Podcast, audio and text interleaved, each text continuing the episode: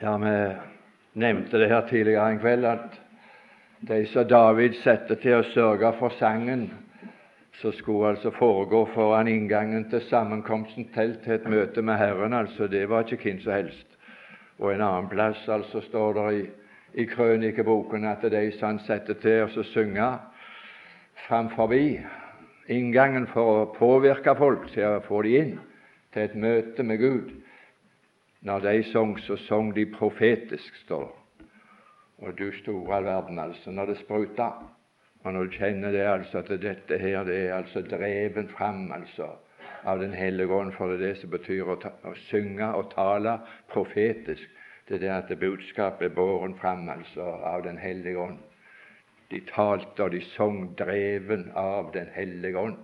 Og Det er vel ikke løye at vi blir påvirka, at det kribler både her og der. altså som vi er takknemlige for, altså at vi har sånne så stiller seg villige og så svarer ja til å være med, og så sørger for at vi skal ha en sånn sang på en lørdagskveld for møtet vårt.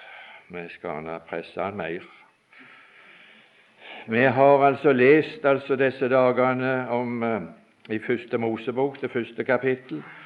Og nå har vi lest om de fem første dagene, og nå minker det på der, altså.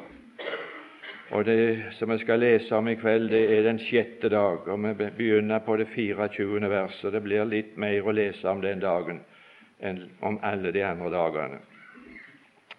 I Jesu navn. Og Gud sa, jorden la fremgå levende vesener, hvert etter sitt slag, fe, kryp og ville dyr, hvert etter sitt slag, og det ble så. Og Gud gjorde de ville dyr hvert etter sitt slag, fe etter sitt slag, og alt jordens kryp hvert etter sitt slag. Og Gud sa, la oss gjøre mennesker i vårt bilde etter vår lignelse, og de skal råde over fiskene i havet, og over fuglene under himmelen, og over fe, og over all jorden, og over alt kryp som rører seg på jorden. Og Gud skapte mennesket i sitt bilde, i Guds bilde skapte han det. Til mann og kvinne skapte han dem. Og Gud velsignet dem og sa til dem, vær fruktbare og bli mange, og oppfyll jorden og legg den under eder, og råd over fisken i havet, over fuglene under himmelen og over hvert dyr som rører seg på jorden. Og Gud sa oss, se, jeg gir eder alle urter som sår seg, alle som finnes på jorden, og alle trær med frukt som sår seg, de skal være til føde for eder.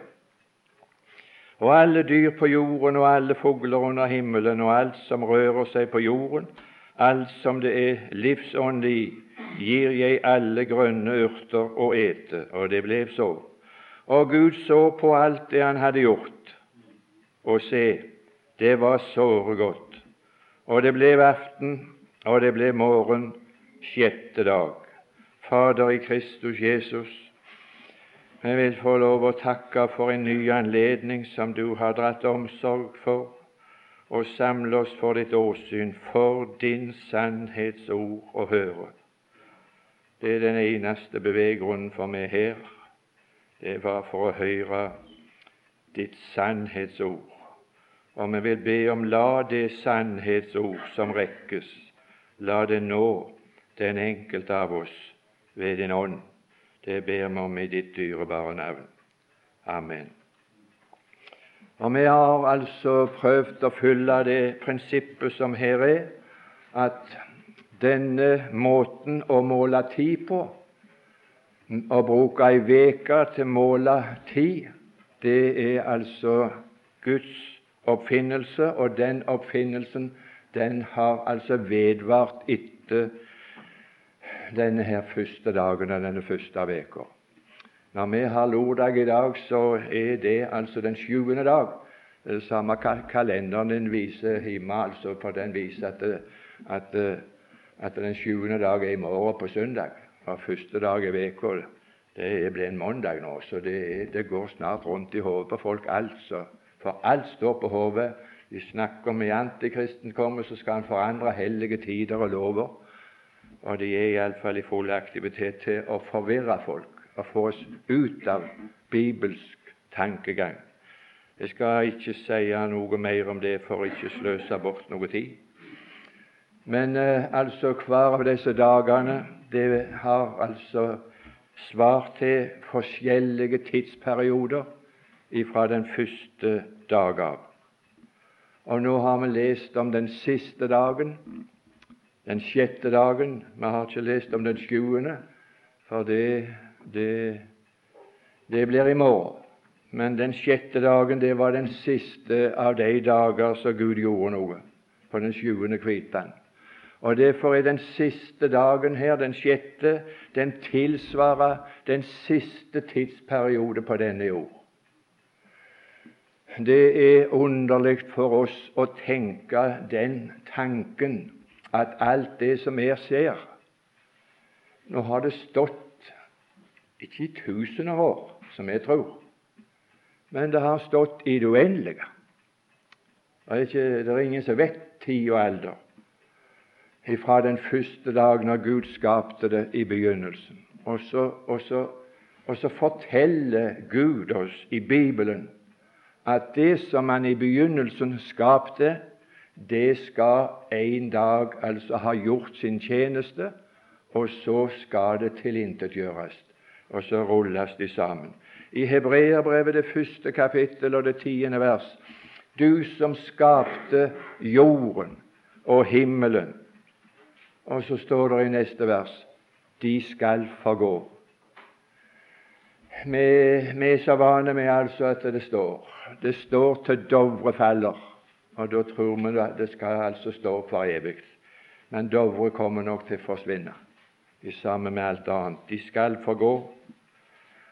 Og det er ikke bare at de skal forgå, men de skal eldes. Og ikke skal jeg jo ta opp noe tid til oss å prøve på å gjøre deg oppmerksom på det. Jeg kan jo se på folk at de eldes, altså, men det går an å se på skaperverket òg at det eldes. Men det skal vi ikke bruke noe tid på. Men altså i det tolvte kapittel av Hebreabrevet, det 27. vers, så står det at på grunnlag av og fordi at jord og himmelen er skapt, fordi de er skapt, så skal de forgå. De skal omskiftes fordi de er skapt. Og i din bibel, som du sitter med her sikkert, altså den 88, der står det de skal bli tatt bort. Alt det skapte, det skal tas bort. Men eh, den perioden, den har vi lengden på.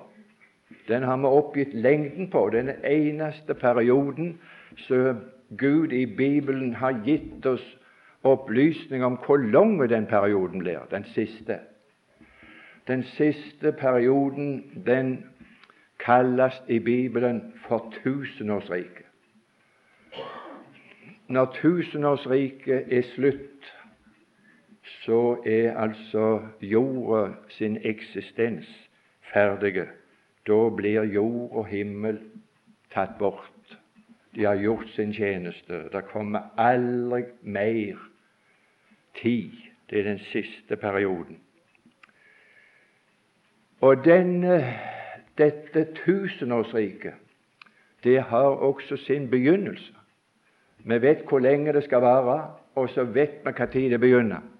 Og Derfor så kan de som opplever den dagen det begynner, de kan altså begynne å altså telle ned nedtelling inntil jordens siste dag. Det måtte være altså ei forunderlig tid å leve på når de teller seg ned til 999, og så, og så, og så kommer den tusende år, og så forsvinner alt. For hans åsyn så vek jorden og himmelen bort, for da var det da hadde de gjort sin tjeneste. Så var skaperverket ferdig. Men det begynte altså med Det har en begynnelse, og den begynnelsen den sto det altså i forbindelse med denne dagen som det har stått med alle de andre dagene. Det ble aften den sjette dag.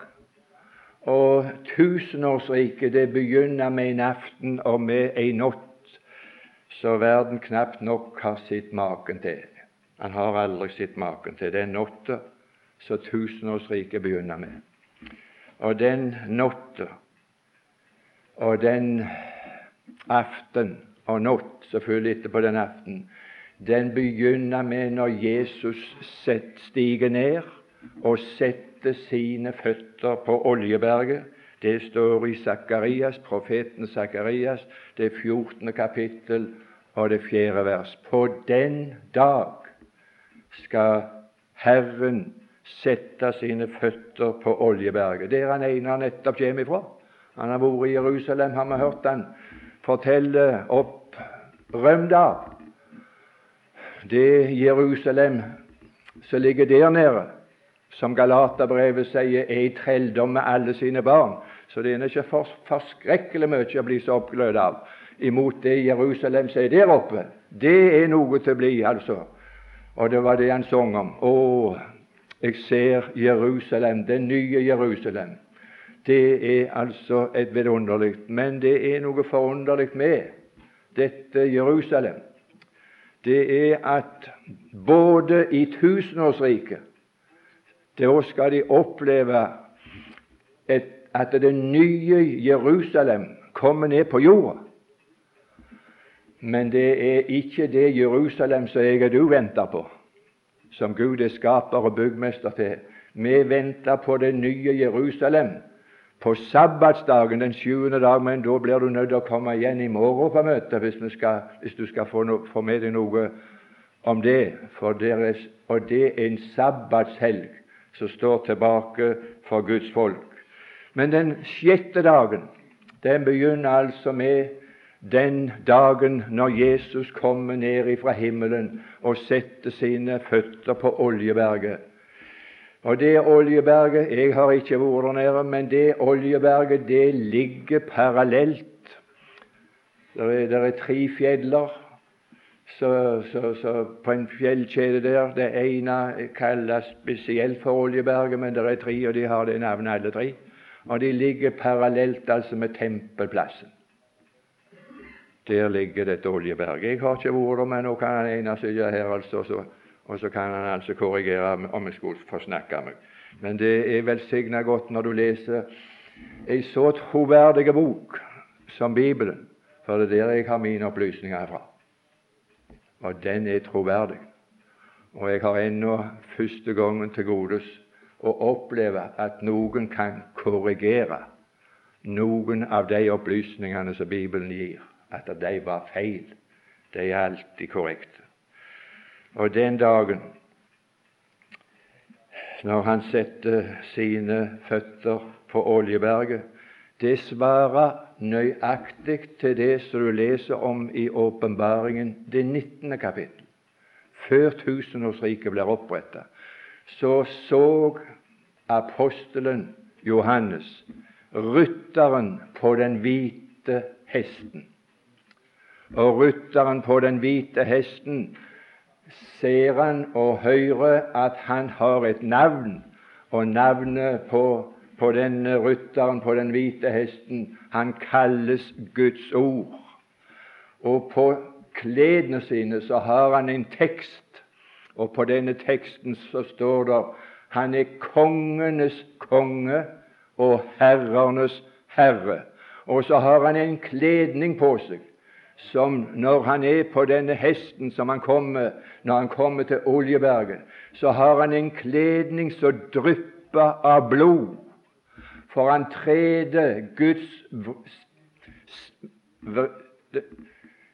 han treder Guds vredes vinperser med Guds vredes strenge vin, altså. Og, og, og, og hans kledning blir oversprøyta med blod, for han han skal utrydde ugudeligheten både av Jakob og Israel og av hele denne verden. Han kommer for å utrydde synd og ugudelighet den dagen han kommer til Oljeberget. Og når han skal utrydde alle disse synderne som ikke ville forlike seg med Gud, så blir det blodsutgytelser. Derfor blir hans kledning så grufull blodige. Og det er noe forskrekkelig. Oljeberget er Det har tidligere i annen kongebok, det 23. kapittel og det 13. vers, det er et voldsomt viktig vers. Annen kongebok, det 23. kapittel og det 13. vers, der står det om kong Josias i Israel. Han kom òg en dag til Oljeberget. Og den dag kong Josias kom til Oljeberget, så ble Oljeberget kalt for ødeleggelsens berg. Og det ble kalt for ødeleggelsens berg av den gode grunn at når kong Josias kom til Oljeberget, så ødela han tre vederstyggeligheter som på den tida fantes i Jerusalem. Og de tre vederstyggelighetene som han fant, det var tre forskjellige former for å dyrke fremmede guder, avguder. Han eh, tilintetgjorde Asterde, Astarte, Kamos og Molok. Tre vederstyggeligheter forpesta da den hellige tempelplass på den tida. Og det kom kong Josias til Oljeberget for å ødelegge. Den dagen den Herre Jesus kommer til Oljeberget og setter sine føtter der, så blir Oljeberget på nytt igjen et ødeleggelsens berg. Og det som Jesus kommer for å ødelegge denne dagen når han setter føttene sine på Oljeberget, da vil han finne tre vederstyggeligheter stå på hellig grunn. Det er det som sto i Matteus 24.: Når dere ser ødeleggelsens vederstyggelighet stå på hellig grunn, den som profeten Daniel hadde vitne om, da kommer ikke verken jeg eller du til å være øyenvitner til den ødeleggelsen. Takk og lov og pris. Jeg sa noe i går, og jeg sa noe kvelden før, at de som fikk oppleve å være til stede på disse møtene, å være troende mennesker. De kunne gå hjem og legge seg uten å ta sovetabletter og sove både trygt og godt. For altså alt dette vi taler om, så er det fremtidige.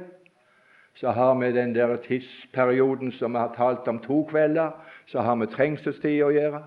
Og denne, så har vi denne perioden å gjøre når det blir natt.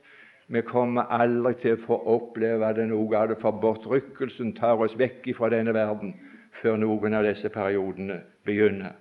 Men det som Jesus den dagen kommer til å ødelegge, det er tre vederstyggeligheter som man den dagen finner på tempelplassen. Det er kamp om tempelplassen allerede i våre dager. Det er noen som har etablert seg mens jødene har vært vekke, og de har vært dristige nok til å etablere islams moské på Tempeplassen. Og den moskeen, den vrimla av innskrift Gud har ingen sønn. Det kan du lese der alle verdens veier. Det vrimler. Det er en, en, en, en vederstyggelighet som står på hellige grunn, at islam og islams religion det er altså en vederstyggelighet som kommer til å bestå, og som fra Israel kom til Jødeland i 1948. Da var det 300 millioner islam og muslimer i verden. I dag er det over en milliard. Det er den mest hurtigvoksende religion i denne verden, og han kommer bare til å tilta. Og det er en religion som sier det at Gud har ingen sønn. Han har ingen Kristus og mye mer enn det. Jeg skal ikke skildre noe av det. Men den dagen når Kristus kommer til Oljeberget, så kom han for å utrydde ugudelighet fra Jerusalem. Og han skal rydde islam og muslimene ut ifra, ikke bare fra tempelplassen, men ikke bare religionen, men alle de som dyrker den religionen, kommer til å bli rydda ut. Det blir nått i hele den islamske verden da spinner ikke liv i én av de som har tilbitt denne fremmede religionen. Slik begynner tusenårsriket. Han rydda denne grufulle religionen bort med makt, og alle de som har blitt forledet til det. Du gru i denne verden. Det er lite oppmuntrende å lese Bibelen når det er framtidsutsikter. Det er velsigna godt å lese Bibelen når det gjelder vår husholdning, og det er velsigna godt å lese om den sabbatskvile som står tilbake for Guds folk. Men det er gruoppvekkende å lese om det som står tilbake for de som klarer å holde seg vantroende og bevare seg som, som ufrelste mennesker og klarer å presse seg fram inn i disse tidene som her står for døra. Han skal bortrydde den vederstyggeligheten som islam forpester ikke bare tempelplassen, men altså hele verden. Moskeer de vokser opp som paddehatter i alle verdens land, i alle verdensdeler. Det, det, det, det er forferdelig å være vitne til.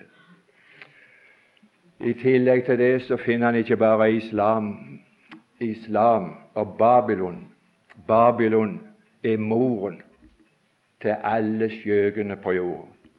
Og den største skjøgen som har sitt opphav i Babylon, det er den katolske, den romersk-katolske kirka.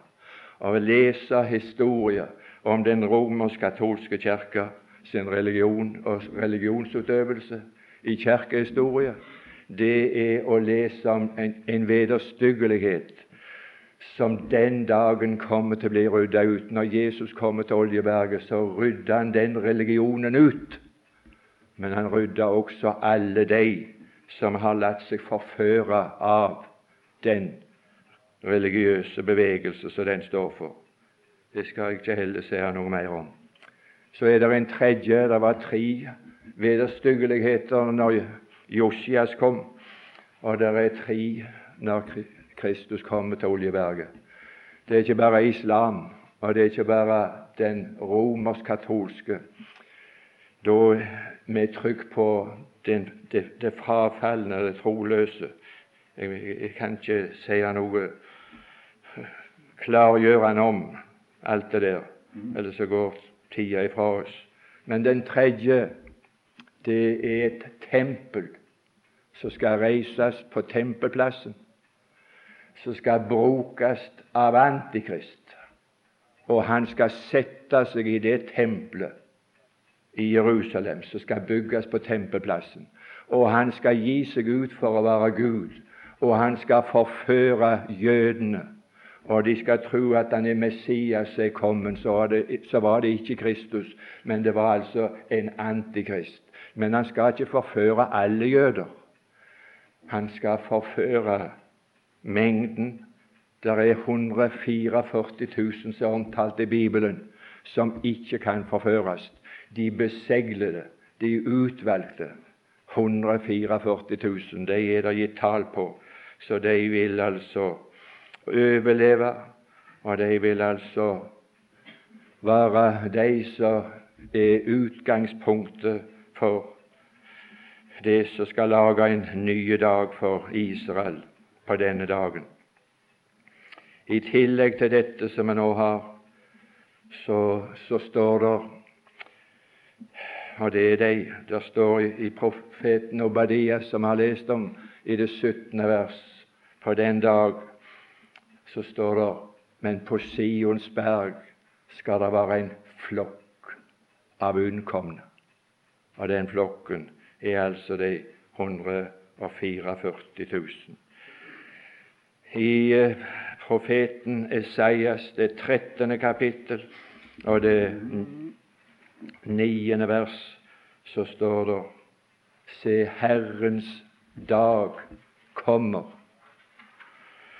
Og når han har fått sagt det at Herrens dag kommer, så sier han, legger han til fryktelig og full av herme er den dagen. Og så sier profeten at han så han så at jorda ble til en ørken den dagen på grunn av deres synd. Og så så han noe mer. Han så det ble kålmørkt. Han så at stjernene nekta å gi sitt lys. Han så at sola ble mørke. Han så at månen nekta å gi sitt skinn. For ei natt, for ei grufulle natt, når Herrens dag laga mørke når han setter sine føtter på Oljeberget. Før han forlater det, så vil jeg lese ifra 2. Tessalonikerbrev, det andre kapittel og det andre vers.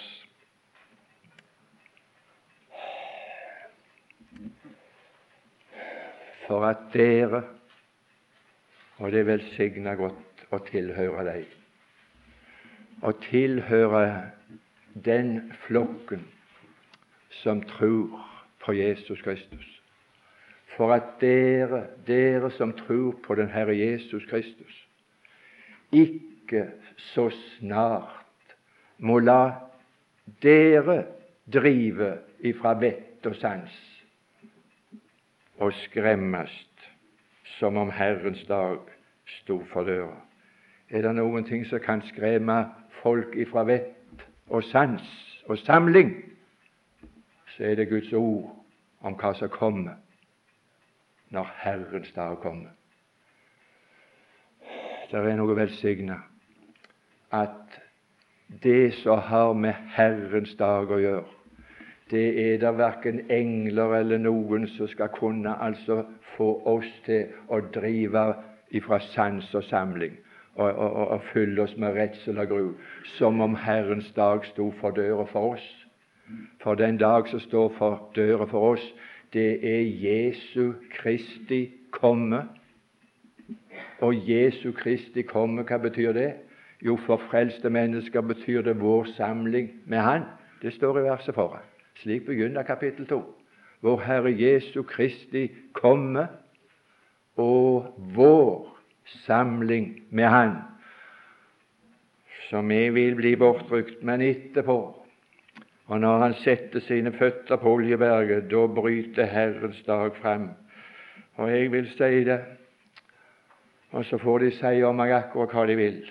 Det, det betyr noe, og har vel aldri heller betydd noen ting når det gjelder jeg, jeg, begynte disse møtene Nå er det nå er sannelig 14 dager snart gående siden vi begynte. Det er ufattelig utrolig hvor, hvor fort det kan gå.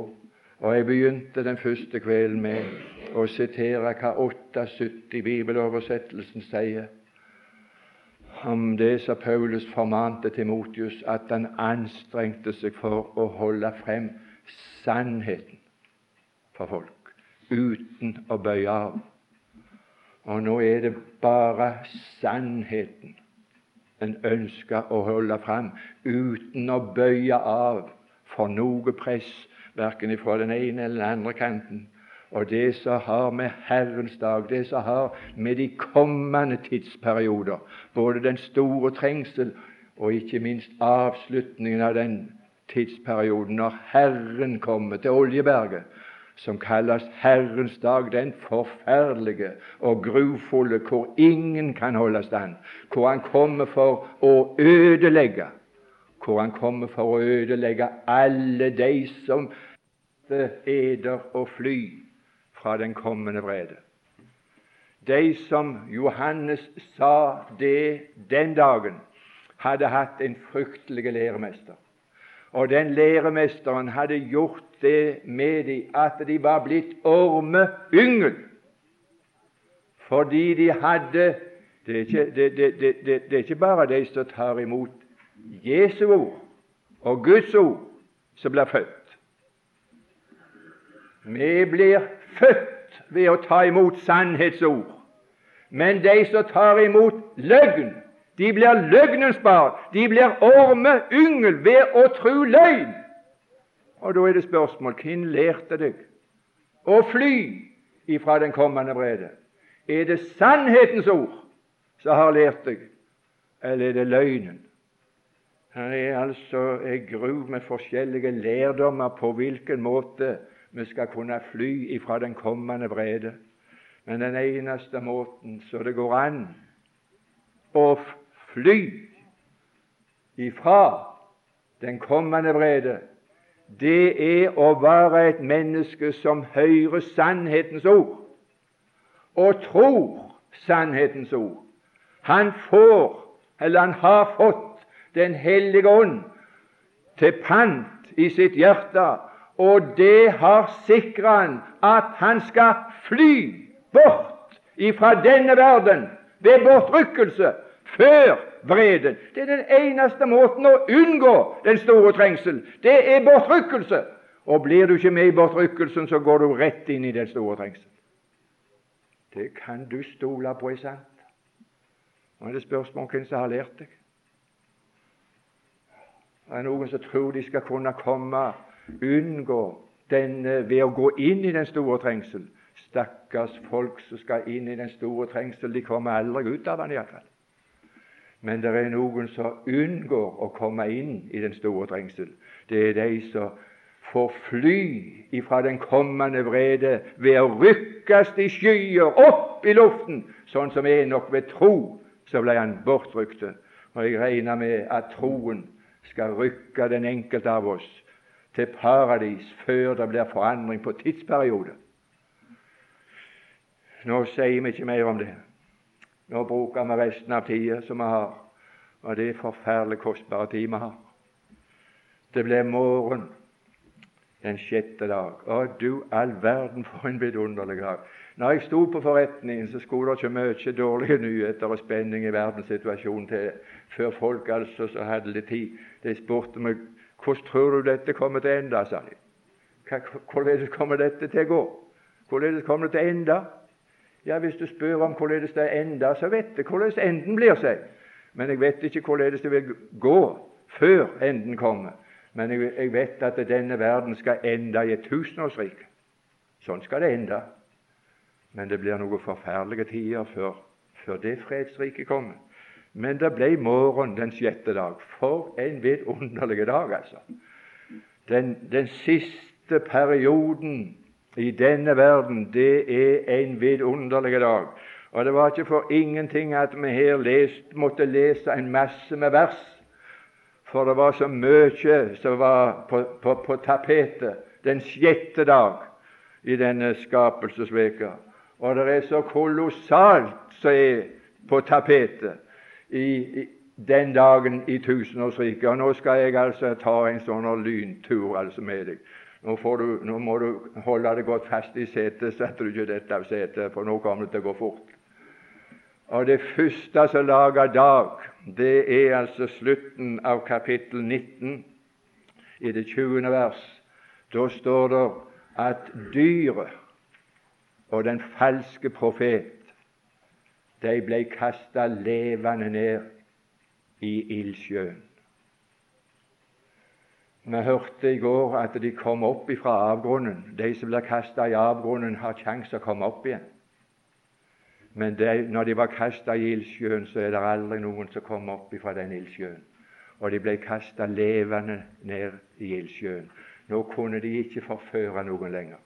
Nå var ikke noen sånne forførende, gigantiske kjempekrefter på denne siste dagen. Nå var de vekke for forever. Den andre, det står i det 20. kapittelet av åpenbaringen, og det andre vers, så står det at Gud sendte en som bandt djevelen. Og det var ikke bare at han bandt han, men så kastet han djevelen ned i avgrunnen.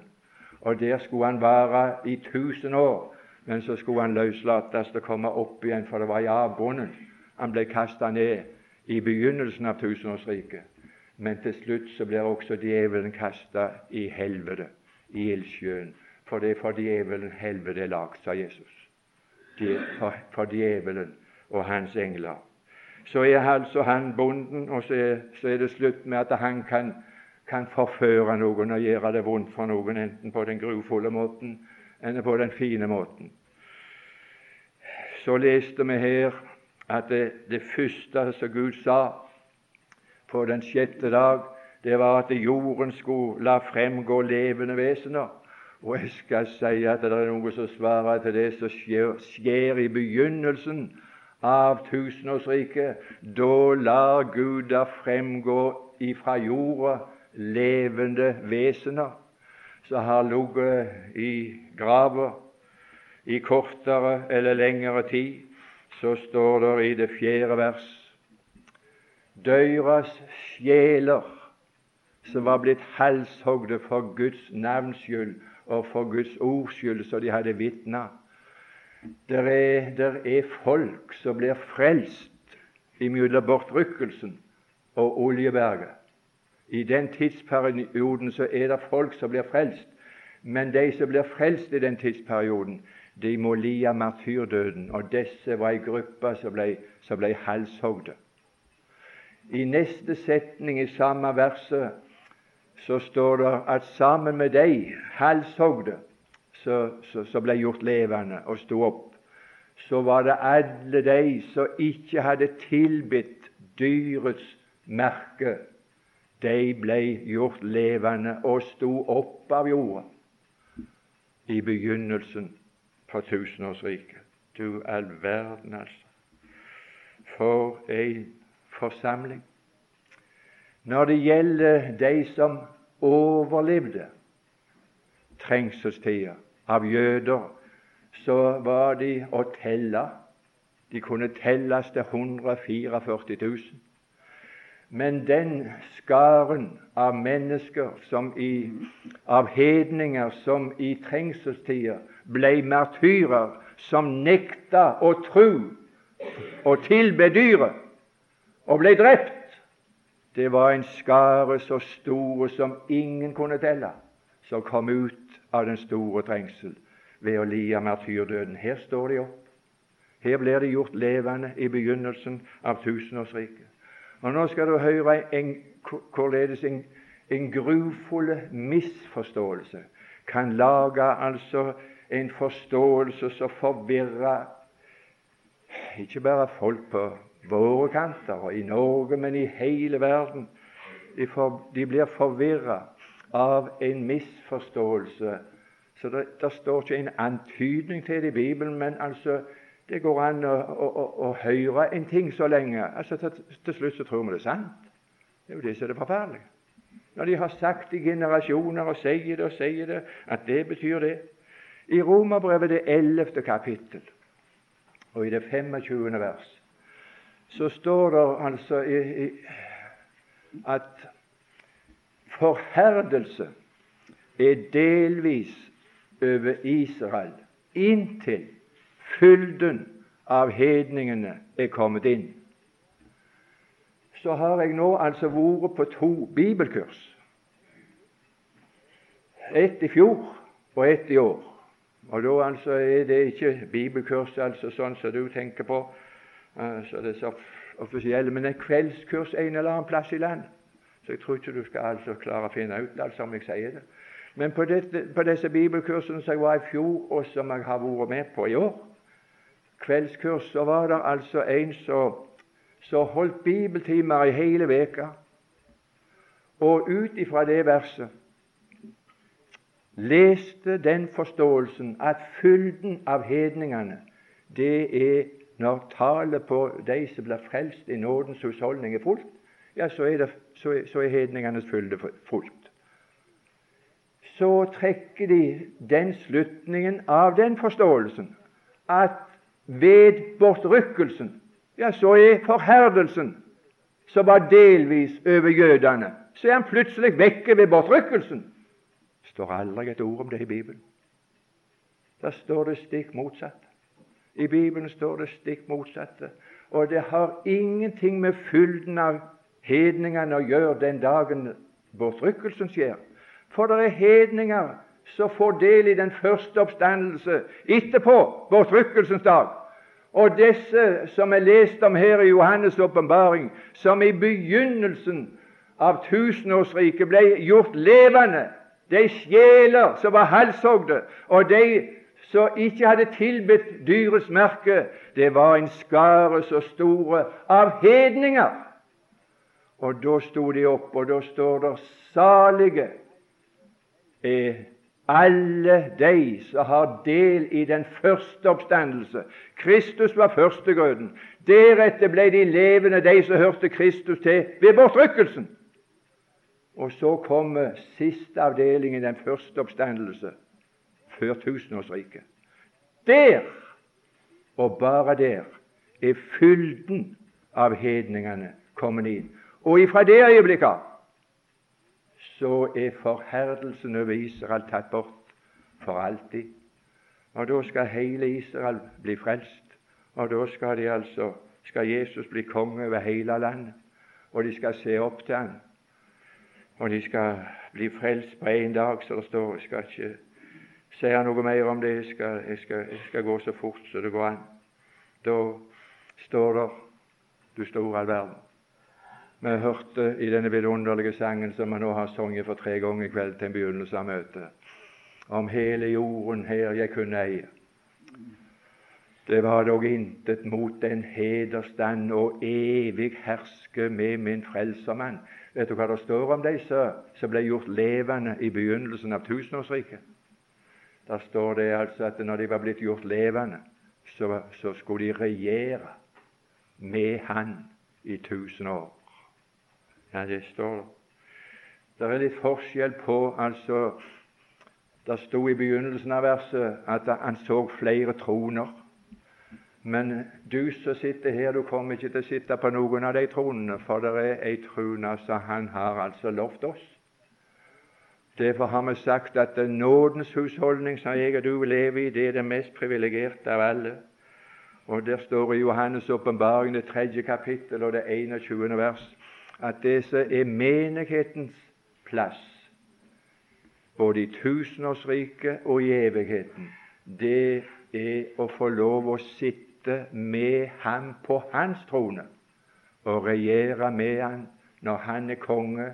Så skal vi regjere med han som dronning. Ja, det er det vi skal. Vi skal sitte på hans trone på samme måten som han nå har sittet på sin faders trone. Nå skal vi i tusenårsriket sitte på hans trone og regjere med han. Men de andre som var frelst før pinsedag, og de som blir frelste etter bortrykkelsens dag, ja, de skal også regjere med han, men de skal sitte på andre troner. Og Det var sagt i Lukasevangeliet at Jesus i forbindelse med talentene så sa han at du skal, du skal herske og regjere over ti byer, og du skal herske over fem byer. Jo, vi skal si det, altså, at de får, får oppdrag. Hva slags oppdrag er det de får? Det er blitt så mye ledige stillinger. Det er så mange troner som mangler folk. For altså det som skjer altså i begynnelsen av tusenårsriket, det er at han rydder ut alt som heter vondskap.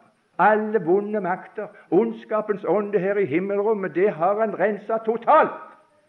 Og djevelen har han kasta ned i avgrunnen. Dyret og den falske profet er gåen evig fortapt. Og de som før satt og utgjorde makter og myndigheter og verdens herrer i dette mørket, nå blir de besatt av troende, frelste mennesker og skal regjere med Kristus i tusen år. Jeg skal si det skal bli altså bruk for folk, både det gammeltestamentlige og de som blir frelst etter bortrykkelsen. Men jeg og du som hører Herren til, det er du som skal være Hans brud. Vi skal sitte på Hans trone. Vi skal alltid være sammen med Herren. De to skal være ett. Ja, det står det. Denne hemmeligheten står. Kristus og menigheten de er uatskillelige. Der blir aldri skilsmisse, altså. Det kan jeg altså love. Der blir aldri skilsmisse. De to er ett, og det Gud har sammenføyet, det er det ingen der som skal kunne atskille. Jeg skal slutte. Det er på høy tid. Da først ble riket for Israel oppretta. Ikke, ikke ble det oppretta i, i 48, og ikke blir det oppretta etter bortrykkelsen. Men altså den dagen som Jesus altså setter sine føtter på Oljeberget og har rydda all ugudelighet vekk, både i Jakob og i verden og for øvrig For den dagen skal Jesus bli konge over hele Israel. Og Nå skal du høre til slutt, så leser vi ikke mer. Vi skal lese fra profeten Esaias, det 66. kapittel og det 8. vers. Og du all verden, altså. Nå, nå, nå, nå kommer Gud med et spørsmål. Hvem har hørt slikt som skal skje på denne siste dagen, siste tidsperioden, den dag så Jesus kommer til Oljeberget og tusenårsriket begynner. Hvem har hørt slikt? Kommer et land til syne på én dag? Ja, da kommer hele landet til syne på en eneste dag. Da det var en gang i historien at hele landet var så Gud hadde lovt Abraham, var i jødenes eie og herredømme. Det var i Salomos tid.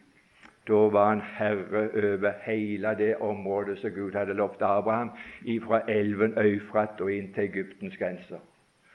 Men det landområdet de har i dag, det er for smalt til å føle å kunne sove trygt i, og det er for kort til å hvile i. Og det kommer ikke til å bli utvidet før antikristen utvider det. Men hele landet, det får de den dagen. Det kommer til syne når Jesus setter føttene på Oljeberget. Og hva står det i neste setning? Da fødes et folk på én dag, på en eneste dag. Det er således at hele Israel skal bli frelst ved at Jesus setter sine føtter på Oljeberget, og at han rydder ugudeligheten. Og da skal han bli stor, og da skal han kalles den høyestes sønn. Det er noe som jeg må ærlig tilstå vi hadde hatt skrekkelig bruk for i, i alle forsamlinger. Og det er jo altså et under over alle under, så det ikke er et menneske som kan finne noen forklaring på hvorfor vi har sølt bort anledningene til å gjøre oss kjent med dette åpenbarelsesordet som gir oss oversikt av disse tidsperiodene. Så når jeg kommer og snakker om det, så, har så sier jeg dette har jeg ikke hørt før. Og så har de gått på møter altså, og hørt og hørt og hørt. Og Når det gjelder det at han skal kalles den høyestes sønn, og når han har tjenere, så er tjenere under den høyeste sønn, så var forholdet når Daniel var i fangenskapet sammen med de andre i, i Babylon, så står det at de ble kalt Sadrak, Mesek og Abednegro ble kalt, og de var den høyeste Guds sønns tjenere. Og som den høyeste Guds tjenere så var det ingen ild som kunne svi dem når Nebukadneser kasta dem i denne ildovnen. Men hvis jeg og du ble kasta i noen ildovn, så ble vi fortært. Det er forskjellen. I, i, i Korintiabrevet sier Paulus vi viser oss som Guds tjenere i nådens husholdning. Ikke på den måten at Han har gitt oss makt over, men vi viser oss som Guds tjenere med stort tålmod i trengsler. Det er sånt vi viser oss som Guds tjenere. Med stort tålmod. Og så kan du lese hele ramsa nedigjennom. Denne kongen Herodes som tok oss og arresterte Jakob og så likviderte han, drepte han. Men Peter arresterte han, satte han i fengsel. Og så ba de til Gud for og så ble han utfridd på overnaturlig vis. Det er ikke rettferdighet skapt i denne nådens husholdning. Der ble Jakob likvidert. Og Peter han ble altså fengsla og fikk oppleve utfrielse. Slik er vår situasjon. Noen må lide martyrdøden, sånn som Stefanus og som Jakob, mens andre